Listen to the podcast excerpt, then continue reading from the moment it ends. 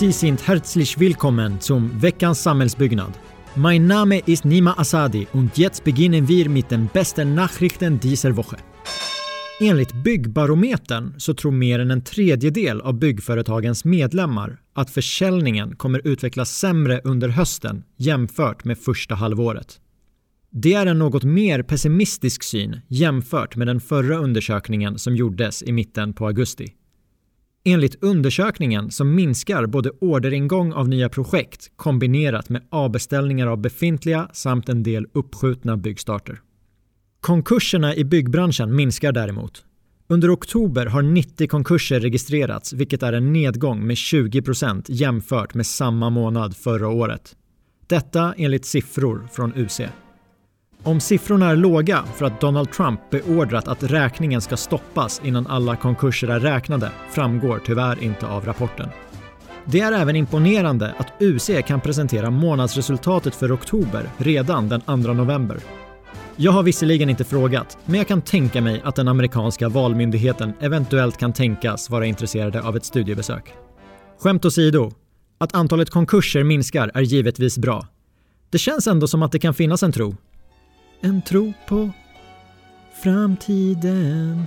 En tro på gemenskapen.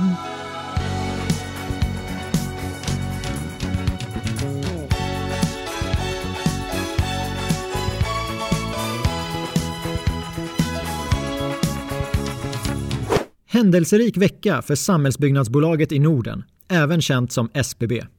I tisdags släppte bolaget sin rapport för årets tredje kvartal och siffrorna visar att det blev det bästa kvartalet i bolagets historia.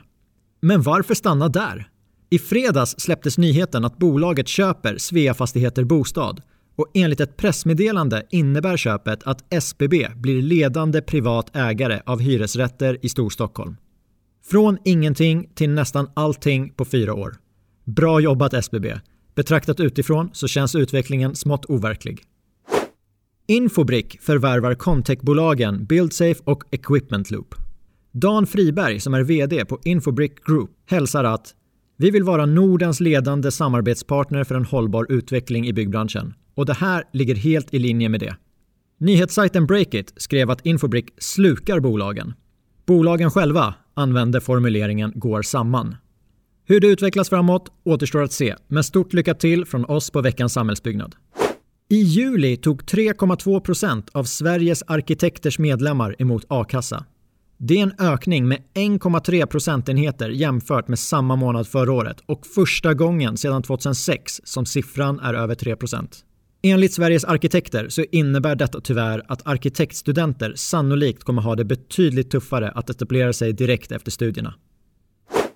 Det har varit rapportvecka för några av de största byggbolagen på börsen, så här kommer en kort summering.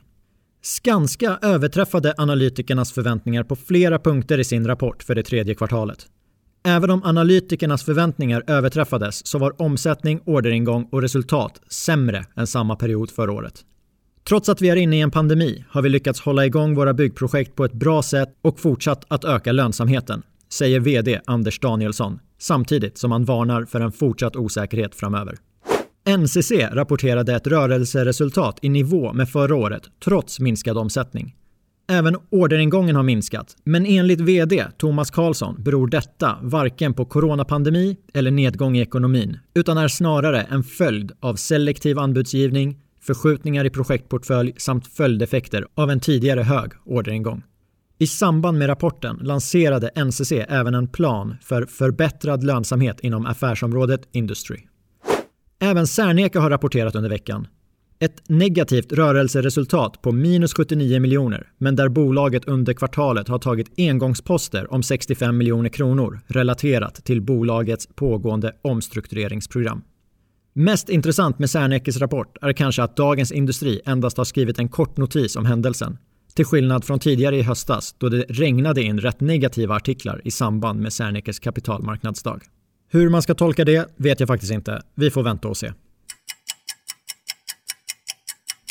Regeringen befarar som en följd av pandemin ett överskott av kontors och butikslokaler och ger därför Boverket i uppdrag att utreda möjligheterna att ställa om kontors och affärslokaler till bostäder.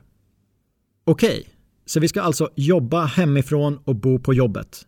Eller jobba från lägenheten men bo på kontoret. Eller jobba från kökskontoret men bo i kontorslandskapet. Lite snurrigt ändå. Och en annan grej, kommer vi då behöva märka om alla detaljplaner? Eller blir det ett undantag där vi får använda kvartersmark hur vi vill under en begränsad period, likt undantaget i amorteringskravet? Jag har så många frågor. Kartläggningen ska presenteras senast 26 februari. Jag längtar. Veckans topp 3 har gått igenom Hyresgästföreningens rapport Så vill unga bo och listar därför de faktorer som enligt rapporten är viktigast, bortsett från bostadens utformning, när unga ska välja bostad. Nummer 1. Trygghet. Nummer 2. Läge. Och nummer 3. Kommunikationer. Då vet vi det. Das war alles für diese Woche. Wir sind zurück mit einer neuen Folge von Hela kedjan am Dienstag. Och tro mig, det vill ni verkligen inte missa. Ciao!